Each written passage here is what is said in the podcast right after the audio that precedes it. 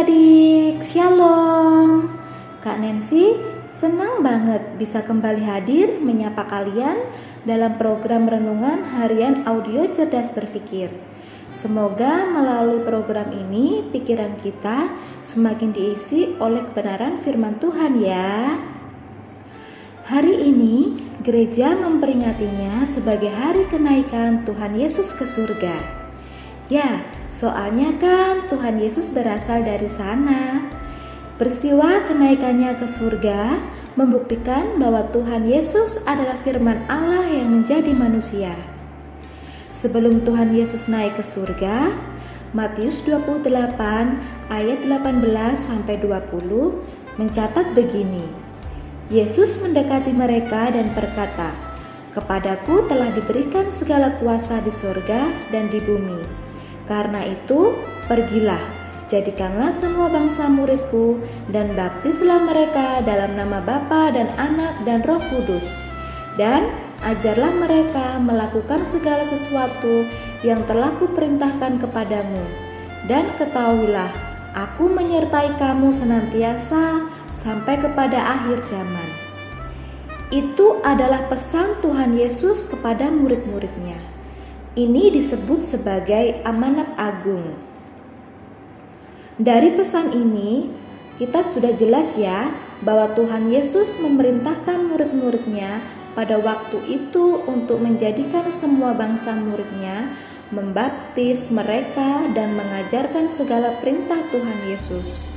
Lalu Injil diberitakan ke seluruh dunia dan singkatnya sampai ke Indonesia.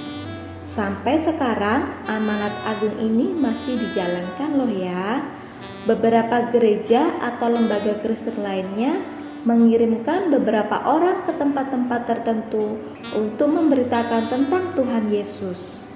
Terus, gereja-gereja juga mengadakan berbagai kebaktian dalam rangka belajar firman Tuhan kan?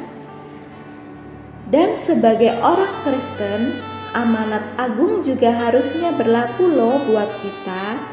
Inti dari amanat agung adalah kita harus menjadi saksi Tuhan Yesus bagi orang lain.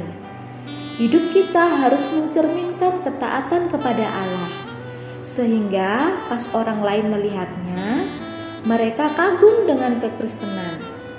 Tapi nih ya, sebelum kita sampai ke tahap menjadi saksi Tuhan Yesus bagi banyak orang, kita kudu jadi murid Tuhan Yesus dulu. Sebenarnya ini agak sulit.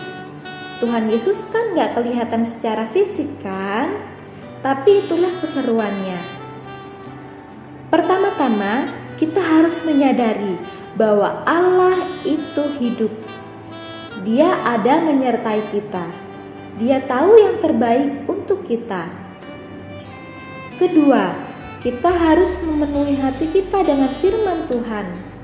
Kalian masih ingat renungan kemarin yang judulnya gelas hati kan? Intinya, kalau kita mengisi hati kita dengan hal-hal baik, gaya hidup kita akan menjadi lebih baik. Kalau kita mengisi hati kita dengan firman Tuhan, itu akan tercermin melalui sikap kita. Lagi pula ya, kita akan meyakini apa yang sering kita konsumsi. Rasul Paulus bilang gini dalam Roma 10 ayat 17. Jadi, iman timbul dari pendengaran dan pendengaran oleh firman Kristus. Yang ketiga, kita harus secara rutin mengoreksi diri kita.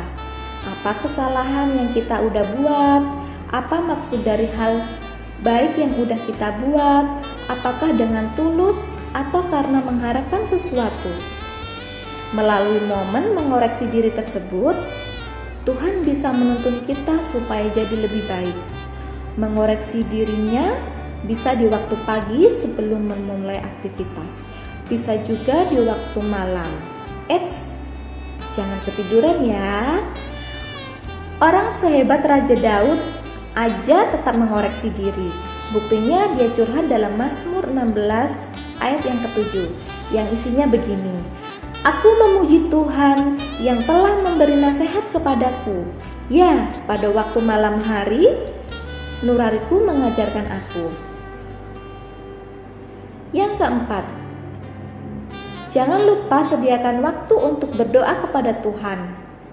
Kita akan dekat dan akrab sama orang yang sering kita ajak ngobrol kan? Kalau kita nggak suka ajak ngobrol Tuhan, gimana kita bisa dekat sama Tuhan kan? Ya berdoa bisa tentang apa aja, curhatan isi hati juga oke tuh. Nah, sebelum kita berdoa, Kak Nancy mau kasih tahu. Ini adalah kesempatan berharga. Bagi yang ingin mengambil keputusan menjadi murid Tuhan Yesus, silakan taruh tangan kanannya di dada. Tapi kalau situasinya nggak memungkinkan, bisa bilang dalam hati, "Ya, saya orangnya." Sekarang Yuk kita berdoa bersama-sama. Tuhan Yesus, terima kasih buat renungan yang sudah saya dengar. Biarlah firman Tuhan senantiasa boleh merema di dalam hati kami. Dan terlebih kami boleh menjadi anak-anak Tuhan yang boleh menjadi saksi bagi banyak orang di mana pun kami berada. Terima kasih Tuhan, ajar kami untuk tetap senantiasa mentaati kebenaran firman Tuhan. Hanya di dalam nama Tuhan Yesus Kristus kami sudah berdoa dan bersyukur. Haleluya. Amin. Oke adik-adik sekian dari Kak Nancy. Tetap sehat, tetap semangat dan tetap menjadi berkat. Jangan lupa bahagia ya. Tuhan Yesus memberkati. Dadah.